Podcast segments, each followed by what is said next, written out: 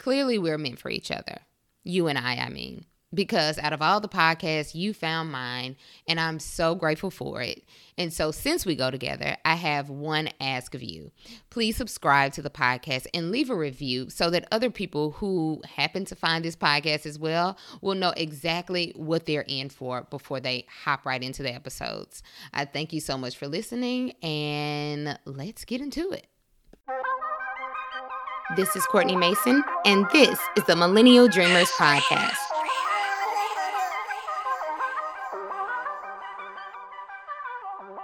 Hey, hey, friends. I hope you are well. It is April 1st, which means we are about to be outside, okay? I am personally fully vaccinated at this point. I got my last uh, COVID 19 vaccine shot, I think, two, maybe a week and a half ago. And uh, yeah, I'm ready to be all over the place. So um, you might find me on somebody's beach soon and very soon. In any event, we are going to moonwalk right into today's topic. I don't want to hold you long, but let's just get into it. Okay, so there's this quote that I saved in my phone that says, When you argue for your limitations, you get to keep them. And I keep that in my phone to remind myself that all these lofty aspirations that I hold on to um, cannot and will not be achieved by having limiting beliefs. And I believe this so strongly that I talked about it in my first ever keynote speech. So in 2018, um, a consultant with the Small Business Development Center at the University of Louisiana at Monroe, which is ULM, that's what we call it, um, she reached out to me as she was preparing for the second annual Women Empower Tea. And she asked if I would be willing to serve as a keynote speaker. Now I was thinking women in power, like say what now? Hey, I feel like a woman in power, but you know it's kind of like a small, small version of it. So I had to kind of like claim that, like you know what? Yes, girl, stand in that. But anywho, the opportunity came about because a friend of mine, Matakwa Anderson, she had been invited and the coordinator was discussing the event with her and mentioned that she was still searching for the right person to speak at this private invite only event. So my friend suggested that she consider me. Now, side note, that's a story within itself. It's always a good idea, if you can, to have friends who genuinely want to see you win. I feel like all friends, real friends, should genuinely want to see their friends succeed.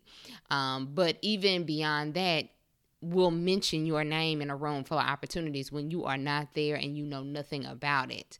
That's what I aspire and strive to be as a friend. If I know someone is interested in doing something, if the opportunity presents itself and I'm able to help facilitate that, I'm singing your praises, okay? that's a story for another podcast, but I just wanted to to mention that right in that moment. Anywho, so the event coordinator hopped on Google and did a little research, I believe, and then she contacted me.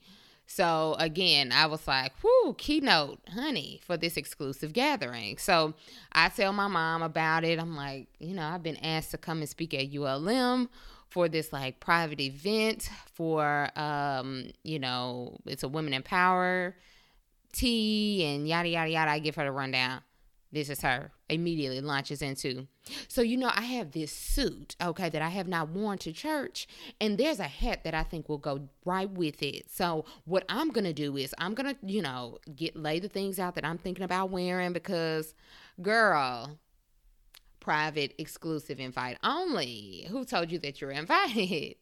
Long story short, she did get to attend, and while I'm I'm ribbing her, she actually had to provide me with the hat that I wore to the tea because I didn't even have one. So I guess the joke's on me. But anyway, we both got to attend. And at the event, I gave a speech to those women, entrepreneurs, and business owners entitled Get Your Butt Out of the Way the long and short of that speech was about how we often know exactly what we want for ourselves, but we will give ourselves an out in the form of a but.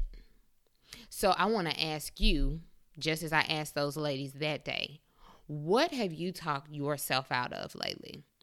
Some version of one of these may sound familiar to you. I want to go back to school, but I'm too old for that now. I want to start my own business, but I don't have any idea where to start. I want to travel more, but it's just too expensive at this point. I want to learn how to cook vegan meals. Like I've been watching Tabitha Brown, it looks so good. I want to try some vegan meals, but when I get off work, I'm too tired and I'm just getting something quick and fast. I want to read more books, but I don't have enough time for that. I want to lose weight, but I don't feel like exercising when I have a break. I want to just relax. I want to save more money, but I barely have enough coming in as it is.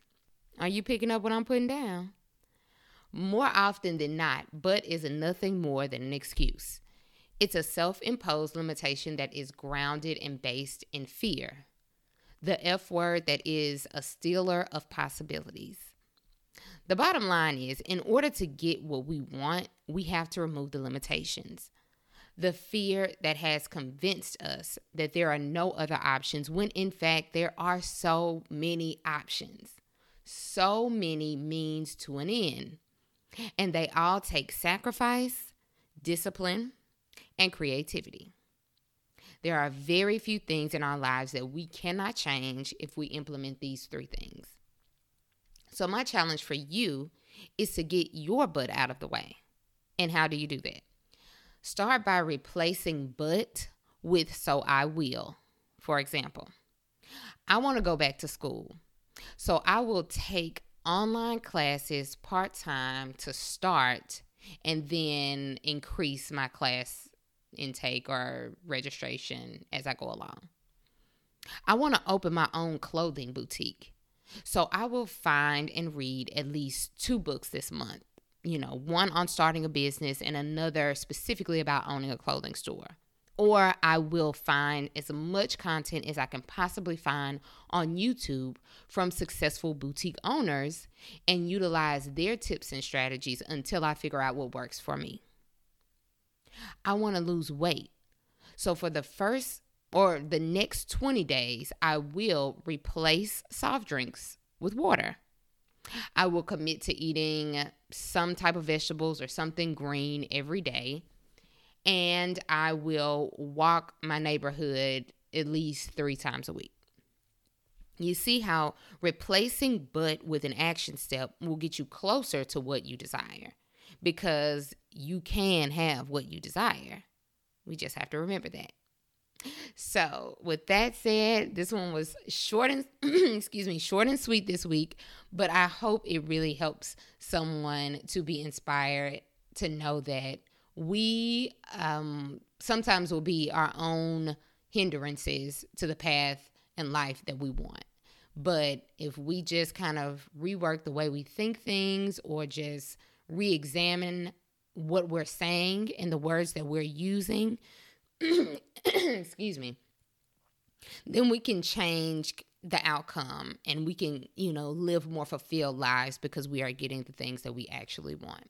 So, that is all this week. I hope that you enjoy. If you did, please share with a friend, a colleague, um, anyone that you come across, a stranger that you might talk to, have a random conversation with. Share this podcast with them. As always, I appreciate your listening ear. And until next week, have a happy holiday weekend and happy Easter to you all.